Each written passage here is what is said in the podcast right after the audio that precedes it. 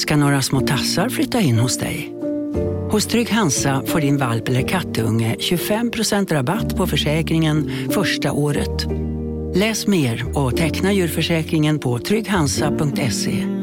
Trygg Hansa, trygghet för livet. Psst! Känner du igen en riktigt smart deal när du hör den? Fyra säckar plantjord för 100 kronor. Byggmax. Var smart. Handla billigt. Ja, Hallå? Pizzeria Grandiosa? Jag vill ha en Grandiosa capriciosa och en pepperoni. något mer? Med kaffefilter. Ja, Okej, ses samma. Grandiosa, hela Sveriges hempizza. Den med mycket på. Vill du lyssna på fler poddar efter dagens avsnitt kan du alltid ta och lyssna på Skarpt Podcast som handlar om djupare och samhällskritiska frågor och även på Magic Monday ifall du vill höra något lite mer spirituellt.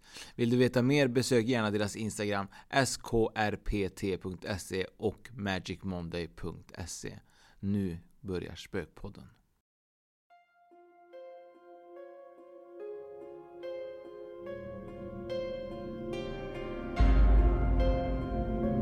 Oskar! Tjena Fredrik! Var det dags för ett nytt avsnitt här idag? Ja, och det här är ju lite spännande för det är ju lite, lite juligt. Ja, det är väldigt juligt. Vi har tagit fram pepparkakor och lussebullar och suttit och fikat lite här innan. Så det.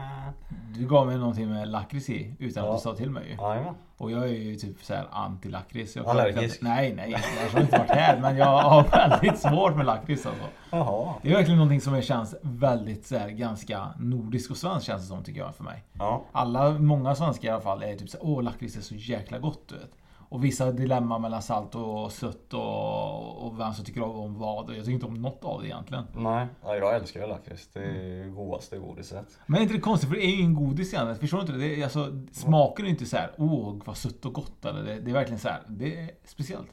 Ja, det är väldigt speciellt. Så att man måste godis vara sött då? Mm, ja. Vem säger det?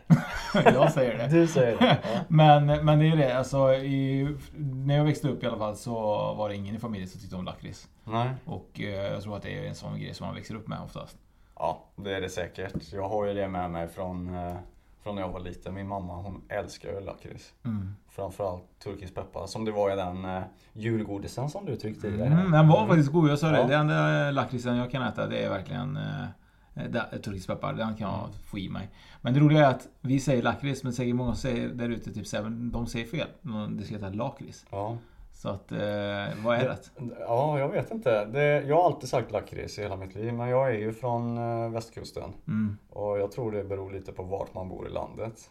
Det känns lite grann som att det är en västkustgrej att säga lakrits.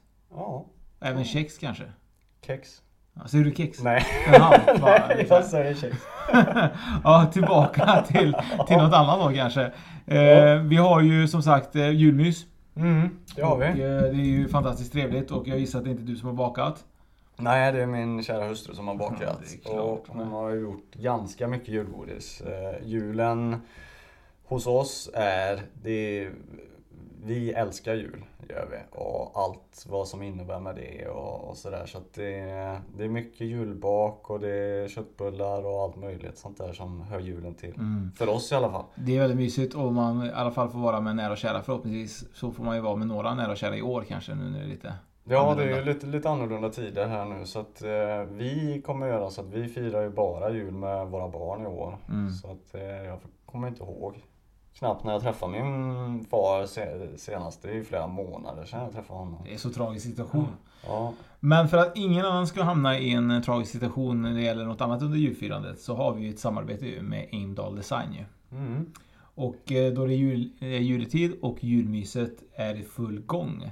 Det här var lite roligt för att innan jag skulle börja berätta det här så var det ju faktiskt en av våra lyssnare som hade skrivit till oss eh, förra veckan. Ja det var det. jag- Det var lite kul.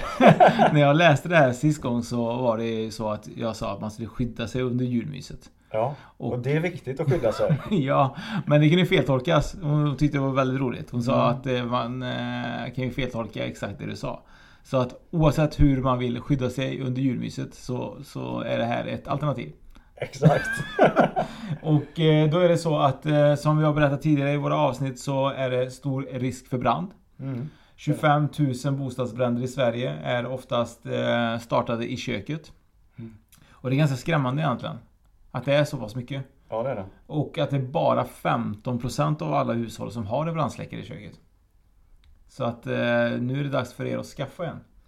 Eh, och nu är det på grund av att vi har det här samarbetet med Aimdal så är det ju ett företag som fokuserar på brandsäkerhet och säljer i nuläget sjukt snygga brandsläckare. Och dessutom till väldigt förmånligt pris.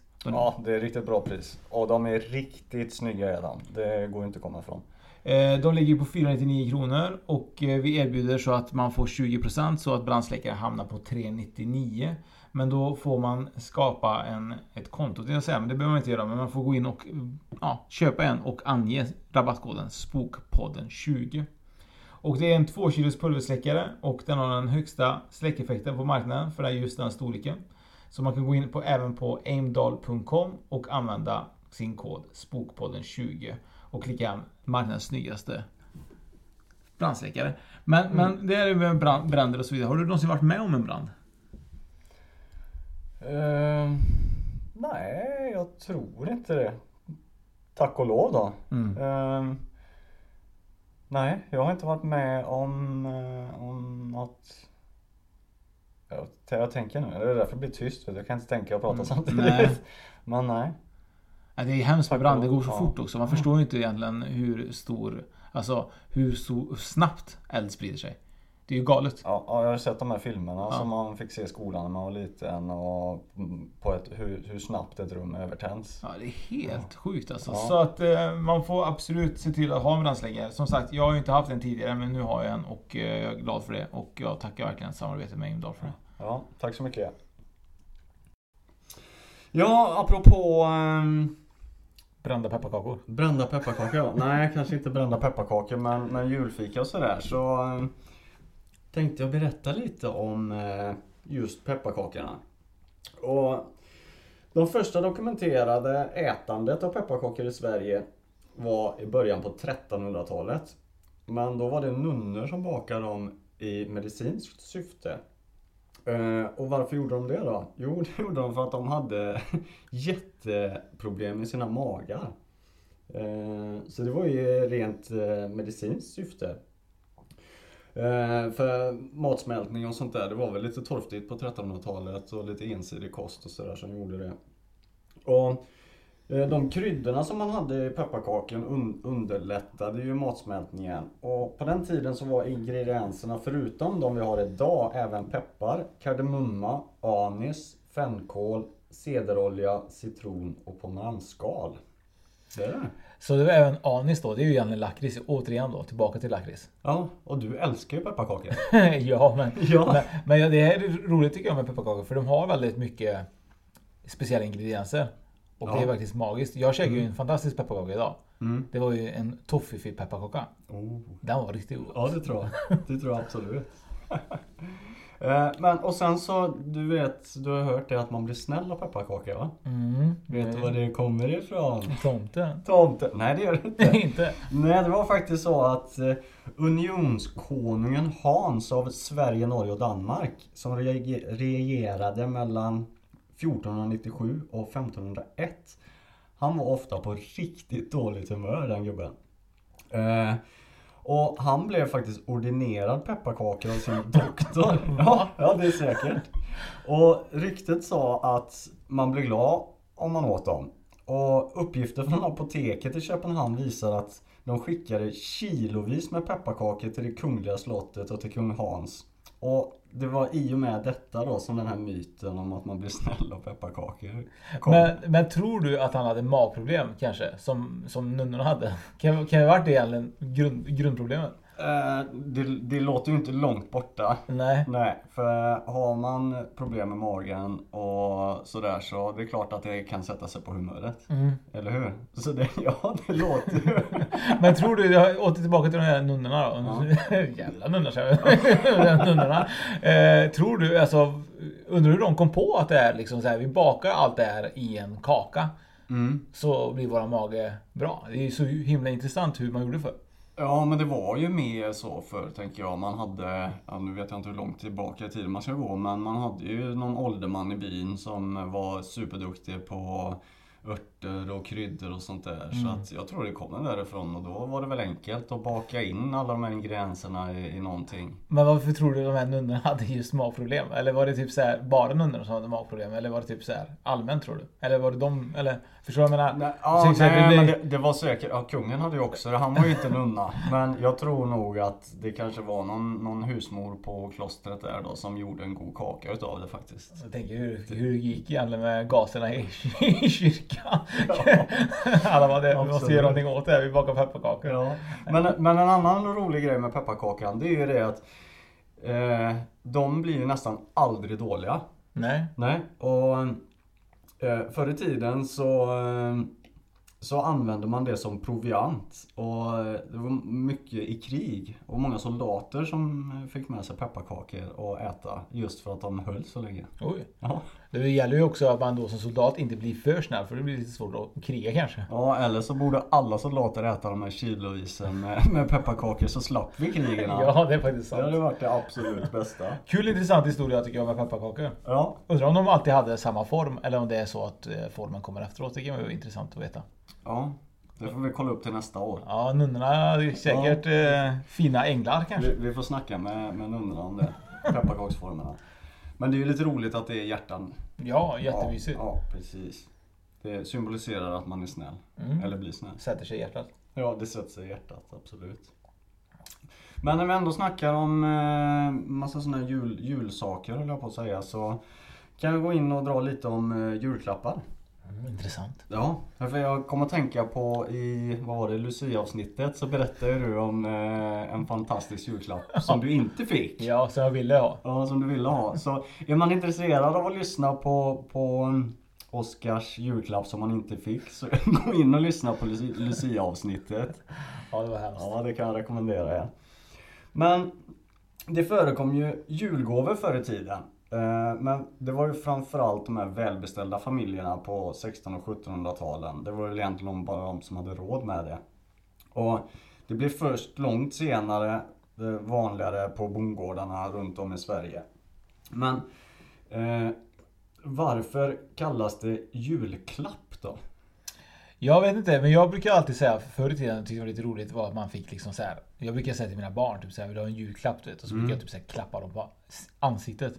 Men, Ja, men inte på det sättet. Men, men du vet, typ julklapp och så klappar Ja, man på ansiktet. ja, typ, så, här. men, ja. så jag vet inte om det var typ så här att man fick kanske någon så här klapp, en julklapp i ansiktet. typ så här, en handflata. ja, men du, du, är inte långt, du är inte långt borta. Nej.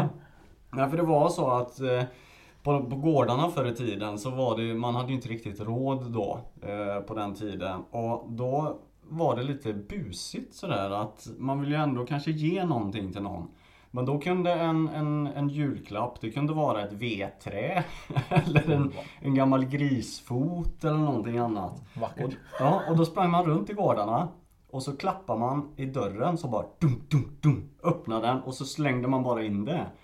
Och så följde det med ett lite skämtsamt elakt julrim på det. Jaha. Så det kommer från, eh, tror man då, att man klappade på dörren och så slänger man in det och då blir det en julklapp. Okej, men stod, det stod inte år, århundrade där eller? Man trodde det. Nej, det var ju... Måste vara tidigt då. Ja, men ja, det var ju efter 1700-talet Ja, någonstans där, där, så okej. 1600-1700. Och då var det en elak rim också. Ja, eller, eller en vers då. Fy fan vad hemskt det Ja, var. det är alltså- Men ganska kul ändå. Ja, och jag tyckte det var lite roligt faktiskt. Jag hade inte en aning om det, att det var så. Det är det som är så kul med mycket traditioner. Man har ju ingen aning var de kommer ifrån. Men ändå fortsätter man att det liksom Ja, och sen är att, jag menar vi har ju den julen som du och jag har firat, den har ju vi firat i hela våra liv. Men den är ju så himla ny. Mm, den är ny ja. Ja, visst. För jag menar 1600-1700-talet är inte så långt tillbaka egentligen om man, om man tänker lite större. Nej herregud. Nej. Det är ju inte, det är inte långt bak. Alls. Nej, Så om man tänker på hur det här året har gått så är det ju inte långt bak. Det nej. här året har ju bara runnit iväg. Ja, ja. Det har... Eh, trots pandemitider och, och att man har varit ganska isolerad och sådär så, så har det gått otroligt fort det här året. Det tycker jag också. Mm, Det har gått för fort. Tanken på när de Ja. sa typ så att eh, pandemin hade kommit till Sverige typ i februari-mars. Ja, Det, det är ju verkligen bara fram tills idag så har det Mm. varit typ, va? Var det snart ett år sedan? ja. Det är helt Och- galet. Ja, det är galet. Det är det. Verkligen. Har du en annan rolig jultradition på gång? Ja, men eh, jag kan ju berätta lite om julgranen. Mm, Strax, strax är det. Ja. För först vill jag veta om, eh, har du julgran? Ja, den är ju helt... Alltså vad är fel på min julgran? Helt seriöst alltså. Helt seriöst. Mm, mm. Men, men helt seriöst, det var det är tragiskt. Vi köpte en julgran ganska tidigt. Ja. Eller, ganska Vad är tidigt. ganska tidigt? Ja, det varit någon vecka innan uh, Lucia. Ja. Däromkring. För barnen vill gärna ha julmys så länge som möjligt. Mm. Och eh, vi köpte den och nu är den ju helt, helt torr ju. Den? Ja men den, den har ju, nej den barrar ju inte. Den är ju typ så här, den, den hänger. Du, Julkulorna faller ju av för att Nej. grenarna typ så har böjt sig. Och så har jag känt på om det finns typ så här, men, om det finns vatten. Men du, för du vattnar granen? Ja, alltså den, är, den har ju har ju inte behövt vattna sen jag har lagt i den. Det är fortfarande fullt. Och jag tänker någonstans typ så här, förmodligen är snittet dåligt. Ja. Men jag tänker så här, orkar jag verkligen ta ner hela julgranen med alla julgranskulor och såga ett nytt snitt? Det orkar jag Det inte. tycker jag att vi ska göra ett YouTube-klipp på. ja, men förstår du vad egentligen var jobbigt då? Ja. Så den får ju ta dö nu helt plötsligt. ja, det får du göra då. Så att, eh, ja jag vet Vad, inte. vad tråkigt. Jättetråkigt så den är lite hängig men eh, den är vacker ändå. Ja, ja men det tror jag. Ja, men man måste ha en julgran. Ja. Men ja, ni har ju riktig julgran då? De senaste två åren bara. Jaha. Vi har bara haft pla- vi har plast innan. Ja. Jag har alltid varit typ såhär, nej men det, vi köpt plast. Jag har alltid haft det hos mina föräldrar. Och, och när jag växte upp. Så att jag varit, nej men fan funkar lika bra i plast. Det ser- nästan identiskt ut ändå. Ja, det ser ju ganska lika ut. Ja. Men man får ju inte den här härliga grandoften. Nej. Det, det är det bästa Nej. med, med julgranen Nu är tycker den jag. rutten då. Så, så, så den luktar ju säkert inte gott längre. Luktar gammal mossa. Så att, eh, nej men det är klart, jag håller med. De senaste två åren har varit betydligt mycket roligare med julgran. Ja, ja, jag menar det. Men eh, sedeln med julgran inomhus är cirka 500 år gammal och den kommer från Bayern i Tyskland. Mm. Och förr så pyntar man ju granen med ätbara kakor och nötter och inte de här julgranskulorna och det glittret som vi har idag. Och när julen var slut så pl- plundrade man ju naturligtvis granen och åt upp allt som var kvar och det gör vi ju fortfarande idag. Men det gör väl vi typ runt, vad är det, 20 och Knut ska julen ut? Eller vad är det? Ja, det, det är nog, det stämmer Ja. nog faktiskt. För det kommer jag ihåg när, när våra eh, barn var små. Då, eller vi hängde ju också då såna här polkagriskäppar. Ja Har du just sett det. dem? Ja, ja, ja, ja, de har vi i- i granen. Jajamensan, just för att barnen hemma skulle få komma och plundra granen. Det var ju krig om de här stackars polkakäpparna. Men, men 20 Knut, eh, är det, vad är det någonstans i januari någon gång? Eller är det direkt? Ja, det är, väl, är det inte 20 dagar efter? 20 dagar efter jul då. Så runt 20 blir det då. Kanske 19 typ. Januari. Så pass sent ändå Ja, alltså. typ en vecka, ja, typ 13, 14, ja jag vet inte. 20 Knut får ni skriva i kommentarerna. Ja, gör det. Upplys oss. Upplys oss. Absolut. Så, och i Sverige så rapporteras den första granen 1741. Oj. Inomhusgranen då. Vi har haft granar längre. Ja, det hoppas jag. Så, eh, men det dröjde länge innan seden spred sig utanför herrgårdarna då, För det var ju bara de, de rika förr i tiden som hade möjlighet att eh, hugga ner gran och ta hem och klä dem och sådär. Så att det, det är lite kul. Men det- du vet inte om det fanns eh, tradition att man skulle ha julklappar under julgranen? För det kanske inte är egentligen en tradition. Det kanske är typ att tomten kommer med tomtesäcken. Kanske alltid varit så. Kanske. Jag vet inte. Eller så klappar man på dörren och så slänger man in en grisfot under granen. Men hur, hur gör ni er tradition hemma när barnen växte upp? Var det typ så här att julklapparna fanns under julgranen under den perioden som julen när- närmade sig? Eller kom tomten med alla julklappar? Eller? Nej, vi, jag tror vi har haft lite olika. Eh, faktiskt. Lite beroende på ålder på barn. Ja, precis. Det är lite så. ja. Det är ju väldigt mycket. Ja, så när de var riktigt små då, då tror jag att vi la ut eh, julklapparna under eh, granen för att det, det ser lite mysigt ut tycker Mm. jag. Absolut. Och sen när de blev lite större och kröp och sådär, då fick man ju plocka bort dem för annars var all- alla paketen öppnade. Vi fick ju, vi fick ju ta och säga nej att julklapparna skulle under granen egentligen igår. För att eh, idag så var det ju sista dagen som jag och min sambo jobbade innan julhelgen då. Ja. Och eh, barnen är ju 13 och 11 så jag litar inte på dem. Så, så att det är så här att eh, kommer jag tillbaka så har de säkert tejpat upp allting och så har de typ så här tittat i och så har de stängt igen det. Men de sa att de inte skulle göra det men jag, jag litar inte på dem fullständigt. eh, Barn säger mycket emellanåt. Mhm. Eh, Man kan inte lita på allt. Men mycket såklart. Absolut. Ja, men du, jag tyckte du hade någonting från, Mm. från Tyskland där, hade du inte det? Ja, lite olika Ja, jultradition, jultraditioner i, med mig Ja. i fickan. Mm. Hör du det? Jag har dem i Mm. fickan allihopa. Ja, då får du plocka upp den. Nej, men innan vi går vidare på mina jultraditioner så ska jag berätta en jultradition som vi har i, som vi fortfarande försöker ha med till mina barn i, här i Sverige. Mm. Och när jag växte upp så har vi någonting som heter, som heter den 6 december. Hej, Synoptik här. Visste du att solens UV-strålar kan vara skadliga och åldra dina ögon i förtid? Kom in till oss så hjälper vi dig att hitta rätt solglasögon som skyddar dina ögon. Välkommen till Synoptik. Upptäck hyllade XPeng G9 och P7 hos Bilia. Våra produktspecialister hjälper dig att hitta rätt modell för just dig. Boka din provkörning på bilia.se xpeng redan idag. Välkommen till Bilia, din specialist på XPeng. Nej. Dåliga vibrationer är att gå utan byxor till jobbet. Bra vibrationer är när du inser att mobilen är i bröstfickan. Alla abonnemang för 20 kronor i månaden i fyra månader. Vimla! Mobiloperatören med bra vibrationer. Det har väl all, eller 6 januari, det har väl alla människor. Men just den 6 januari så är det ju de tre vise männen då. Okej. Och det är ju nästan en större tradition egentligen i Uruguay. Att julafton så fick man eh, typ en julklapp. Mm. Medan den 6 december var ju de tre vise männen som kom med sina kameler. Och levererade paket under granen. Eller under granen vet Ja. jag inte om det var, men under palmen kanske. Ja. Eh, och eh, det är en tradition som vi tar med oss fortfarande. Men vi lägger istället en, en paket. Ett Mm. paket till barnen. Mm. Så att eh, det vi gör är ju att vi ber barnen ställa ut kakor och eh, mjölk som man gör till tomten. Mm. Men till kamelerna och Mm. så en sko under granen. Och då lämnar vi en present till dem under. Eh, Varför en under sko? sjätte. Jag vet inte, det har varit en tradition som att man har gjort att man lägger skon under. Jaha. Och då får man en, en present som i julstrumpan men i, i Ja, skon då. ja. Så får man en present då. Mm. Det är lite kul. Ja, verkligen. Verkligen någonting som, man, eh, som jag har med mig. Så de blir ju svinglada att de får ytterligare en present. Ja. 6 december. 6 Januari. december. 6 januari, ja Ja. precis. Okej. Eh, Det som är ganska kul är att det finns ju extremt många jultraditioner runt om i världen. Och vissa är ju hemska och vissa är ju roliga och vissa är väl helt okej. Ja. Så jag tänker jag ska berätta lite olika jultraditioner som firas runt om i världen. Ja, spännande. Så eh, vi börjar ju då eh, i Tyskland. Och då är det så att den 6 december får tyska barn inte bara en påhälsning från tomten.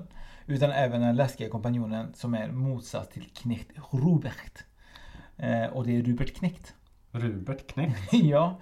Eh, barn som inte varit snälla under året får små presenter av honom. Och det är liksom ganska, ganska otäck överraskning man får. Och eh, Rubik Knäck drar fram sin trästav och hotar barnen med välgörande stryk så att de kan lära sig att bete sig bättre till nästa år.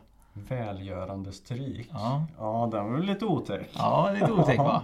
Så att Rubert Knäckt, han har vi inte hört talas om. Nej, aldrig. Ja, så jag vill inte man. veta av honom mer heller tror jag. Så Rubert Knäckt eh, är en tradition i Tyskland och den eh, sker den 6 december. Det är lite Ja. grann som Krampus men eh, någon som heter Rubert Knäckt då. Exakt. Det här är en ganska hemsk historia eller tradition som pågår. Jag hoppas att de har slutat med det men enligt den här artikeln så pågår det fortfarande än idag. Och det är i Rumänien. Mm. Och det här är så, så hemskt att jag undrar verkligen hur folk tänker. Men den 20 december firar rumäner som bor på landsbygden julens och nyårets ankomst genom att knivhugga och bränna en gris. Högtiden heter Ignat och är tänkt att vara löst baserad på historien om den helige Ignatius som kastades till lejonen för att han inte gav upp Kristus. Under Ignat visar du din rikedom med dina grannar genom att bjuda in dem och gå lös på den största grisen du kan hitta. Om du är värd för Ignat hjälper dina grannar att hålla fast grisen medan du snabbt, snabbt skär av halsen av, din, eh, av den i din trädgård. Som du kan antagligen föreställa dig hur det låter i rumänska byar så är det ganska högt ljud av eh, grisar som slaktas levande. Och, och det här är ju inte bara det som händer. Efter de har gjort det, så efter slakten använder de en blåslampa eller en slags hemmagjord eldkastare för att tända eld på grisens kadaver. Nästa steg är att ta fram sitt sprit och kallas för tsuika, en traditionell plommonkonjak. Och då blir man jättefull och då mumsar man då på bränd grishud. Oj. Eh, så att det här är ju någonting som jag känner är ganska makabert. Ja det är det. Men, och det gör man än idag alltså? Det verkar så. Och det är då, de, säger att de mest ansvarsfulla medlemmarna i hushållet då, de gamla babusjkorna då, eh, använder sedan en sedan i varje bit av grisen och lagrar den för att hålla genom hela vintern. Eh, och eh, även om EU har förbjudit ignatslakt eh, så är det så att det förekommer än idag. Ja. Ja men det är klart, vissa traditioner, hur eh, otäcka och hemska de än låter så de är väl djupt rotade såklart. Så att, eh, men det låter ju onekligen ganska barbariskt. Ja, ja. verkligen. Så eh, vi lär ju inte vilja fira jul just nu i alla fall i en landsbygd i Rumänien. Självklart i Rumänien men inte i en landsbygd kanske. Nej, nej precis. Eh, vi har ju även en tradition i Spanien. Som, som, som har sin egen unika form av bullshit. Som vi lurar våra barn med. eh, Tio de Nadal heter eh, själva eh, traditionen. De Nadal, är inte det en tennisspelare? jo, det är han de lurar med. eh, det betyder julstocken och är en riktig stock med en glad mun, små träben och en röd mussa. Tio är delvis täckt av en filt och har en näsa av kork. Tanken är att vi matar honom under december ända fram till den 25 december. På juldagen gömmer föräldrarna julklappar under hans filt och uppmanar sina barn att obarmhärtigt slå Tio med pinnar och grenar medan de sjunger en sång. Så, sången är till att övertala äh, Tio att skita ut presenter och ge dem godis i utbyte.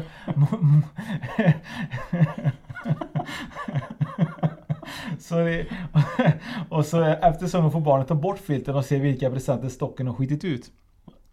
Så, så länge presenten ligger där är osannolikt att någon kommer ifrågasätta sagans trovärdighet. Ja. det var ju en ganska rolig historia. Det är ju tur att det är en stock. ja, visst är det. Ja, som man ger sig på. Annars är det väl kanske inte föredra att slå, slå folk för att få julklappar. Nej, så det här är ju då en stock de målar upp och så slår de Ja. den. Det finns lite bilder på den stocken och det är faktiskt lite, lite kul. Ja, men det kanske har, har det någonting med piñata att göra eller? Ja, kanske. Det kan ju vara så. Så Ja. enkelt. Men det finns ju som sagt lite roliga traditioner. Ska vi ta en, en, några traditioner till då eller? Ja, men gör det. Eh, Det är så i Polen så har det polska folket eh, Eh, som sagt en kristen nation och eh, äter inte kött på julafton. Men eh, de äter fisk och de äter karp. Så det är egentligen mitt, julens mittpunkt. Så att tanken är att man köper karpen levande och dödas precis innan middagen. Det innebär att under advent har marknadens gigantiska behållare fyllts med karpar och på gator hittar man försäljare som säljer karpar från plasttunnor. Eftersom affärer och marknader i Polen har lika mycket att göra vid jultid som på andra håll i västvärlden köper många sin fisk i flera dagar i förväg. Det betyder att alla unga människor i Polen har något mindre av deras... de- Alltså, i Polen har något minne av att deras far eller morföräldrars badkar blivit ett hem åt den studsande middagen. Så då lägger man alla karpar levande i badkaret innan, i, flera dagar innan och sen då slaktar man den innan middagen. Men hur går det med julbadet då? Om man har badkaret fullt med fisk. Det är sjukt ju. Ja, men vad spännande ändå. Vad, vilka olika typer av traditioner det finns. Ja, det är Ja. super, superkul alltså. Ja. Eh, och eh, eh, jultradition i Italien uppskattar man mest att bråka med, med våra nära och kära. Eh, på juldagen äter vi 13 rätters luncher som tar flera timmar att ta sig igenom. Och familjen samlas för att bråka om allting. Från vem som gjorde den bästa rostbiffen förra året eller hur man bäst skulle lösa den italienska bankkrisen. Efter jul får vi besök av Befana, en häxlig gammal dam som på kvällen den 6 januari flyger in på kvast för att skrämma barnen. Hon tar med sig godis och leksaker till de som varit snälla och kåt till barn som varit usla. Befana lämnar sina gåvor i julstrumpor, barnen har hängt upp dagen innan och sägs, sägs att hon sopar golvet i husen hon besöker för att städa ut det dåliga från förra året. Så att Befana kommer egentligen är en win-win situation. Ja, det kan man säga. Så Italien har verkligen en ganska kul tradition. Jag tror Ja. Befana är inte bara italiensk heller, men just att man bråkar med nära och kära. Ja, men det har man ju sett lite. Min uppfattning, nu, nu ska jag inte dra alla över en kam men italienare är ju, förstå mig rätt nu då, lite hetsiga. Eller man kan få den bilden i alla fall. Ja. Man, speciellt om man har kollat på sport på TV. Så italienarna de är ju, de låter. Och var det inte någon reklam på TV med någon, eh, någon eh, italiensk dam som stod och gapade och, och, och skrek på någon. Ja, fan, Jo, alltså. det kan ju varit. Stämmer. Ja. Jag är ju halv italiensk. Mm. Min pappa är ju från eh, Sicilien. Ja, och du Men är ju han- hetsig också så det, det stämmer ju ganska bra. Men han är ju född i Uruguay. Så att det är Ja. som att jag är född i Sverige då. Men eh, hans eh, föräldrar är ju italienare egentligen. Så att, men eh, eh, jag har inte märkt någon hetsig temperament hos honom än i alla fall. Nej. Eh, om vi fortsätter med en eh, liten eh, annan tradition i Frankrike. Så är det så att eh, det finns ju massa olika udda traditioner som sagt. Och eh, en av dem är att man kastar träskedar på varandra varje år.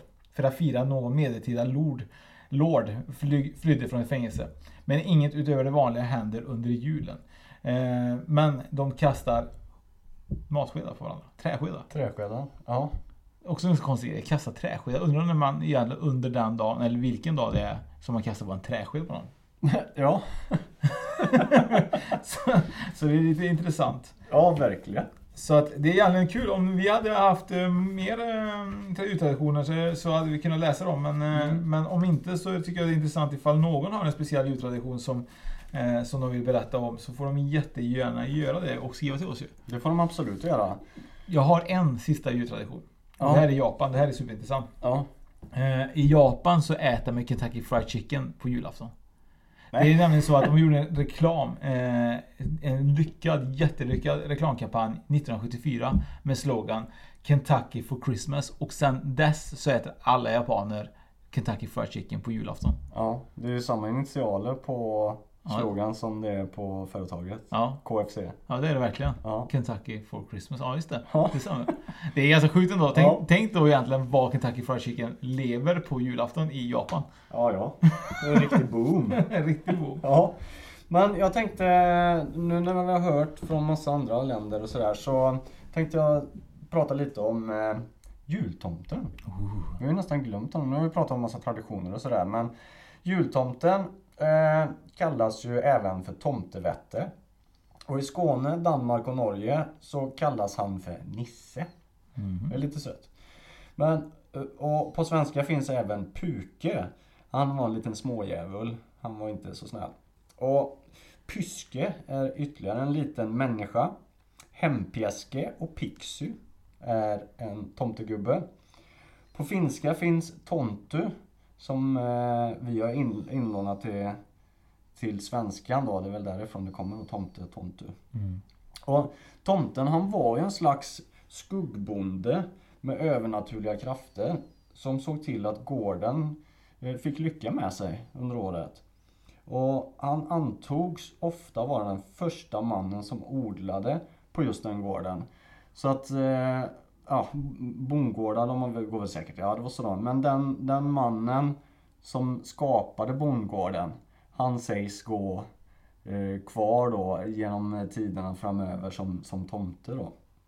Och, och ska hjälpa till och se om gården. Lite spännande.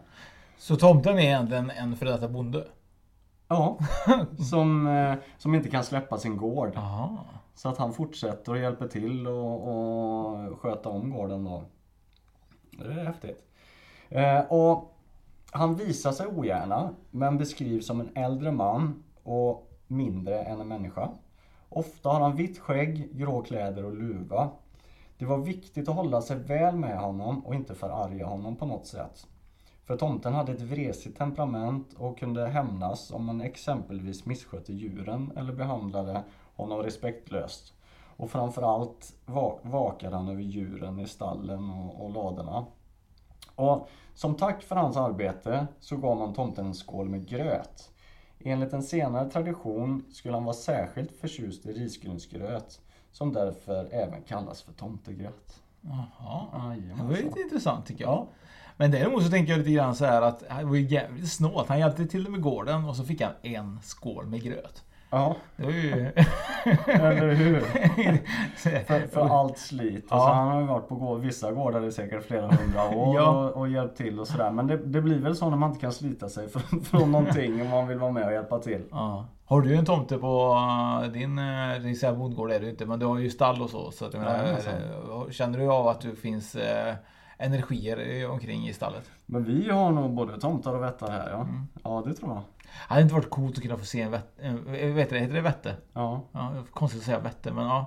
Ja jag hade ju gärna velat se det. Ja, Men det, det, är, det är någonting som Det känns som att det finns någonting som hjälper till och, och håller koll och, och sådär. Mm. Men jag har aldrig sett någon men, men ibland så det är lurade skuggor och sådär så att eh, Ibland så, så kan jag uppleva att eh, Var det någon där eller? Det så och så lite. tänker man, nej men det var nog bara en av katterna eller, eller något sånt där. Men ja, ja absolut.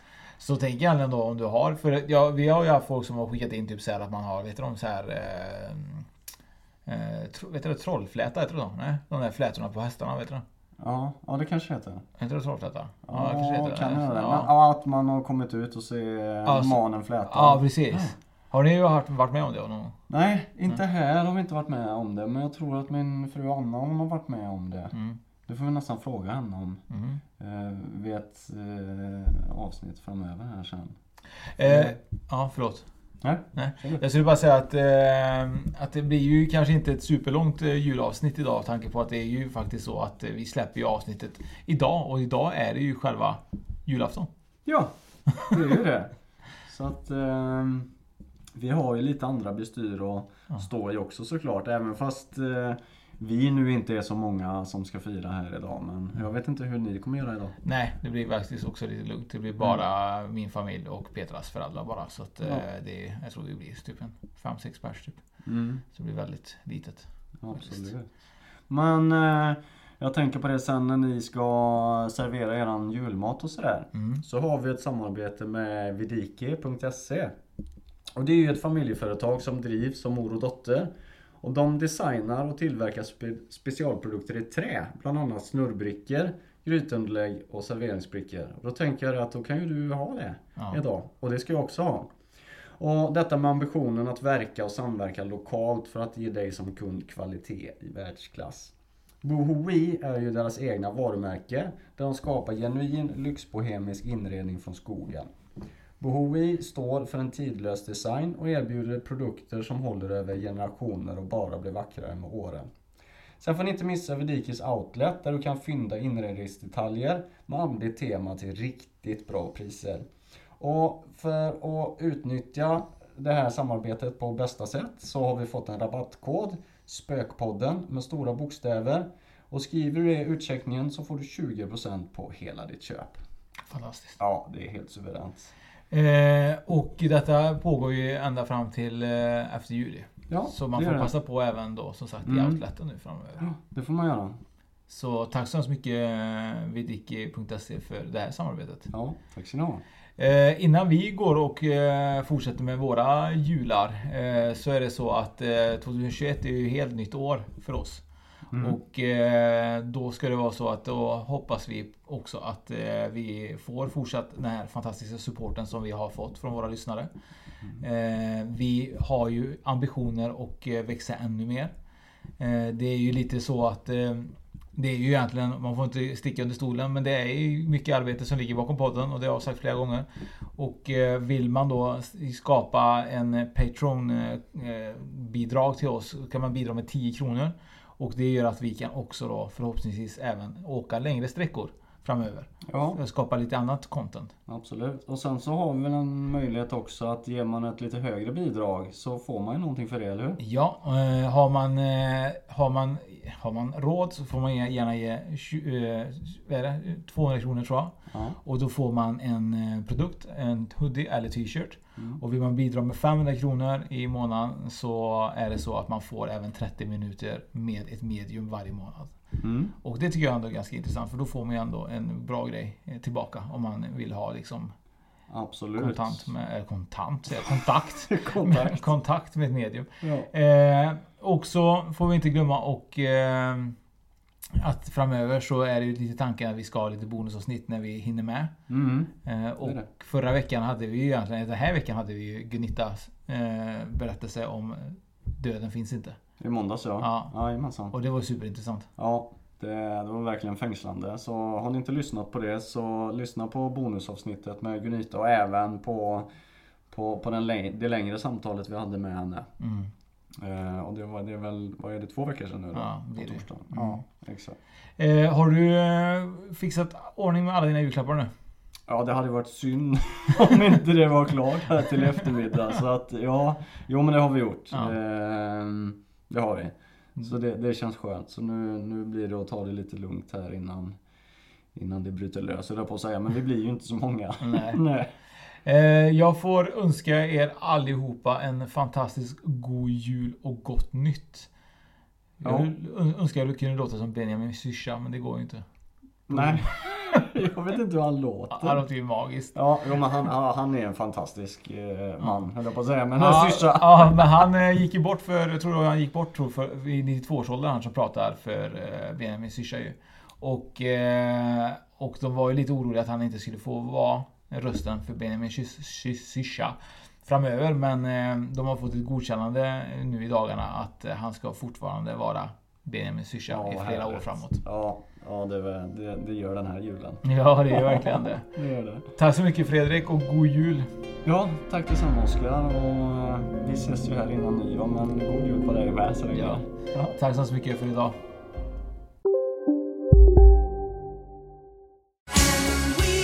Just nu till alla hemmafixare som gillar julast låga priser. En slangvinda från Gardena på 20 meter för vattentäta 499 kronor. Inget kan stoppa dig nu. Hej, Susanne Axel här. När du gör som jag och listar dig på en av Krys vårdcentraler får du en fast läkarkontakt som kan din sjukdomshistoria. Du får träffa erfarna specialister, tillgång till lättakuten och så kan du chatta med vårdpersonalen. Så gör ditt viktigaste val idag, listar dig hos Kry.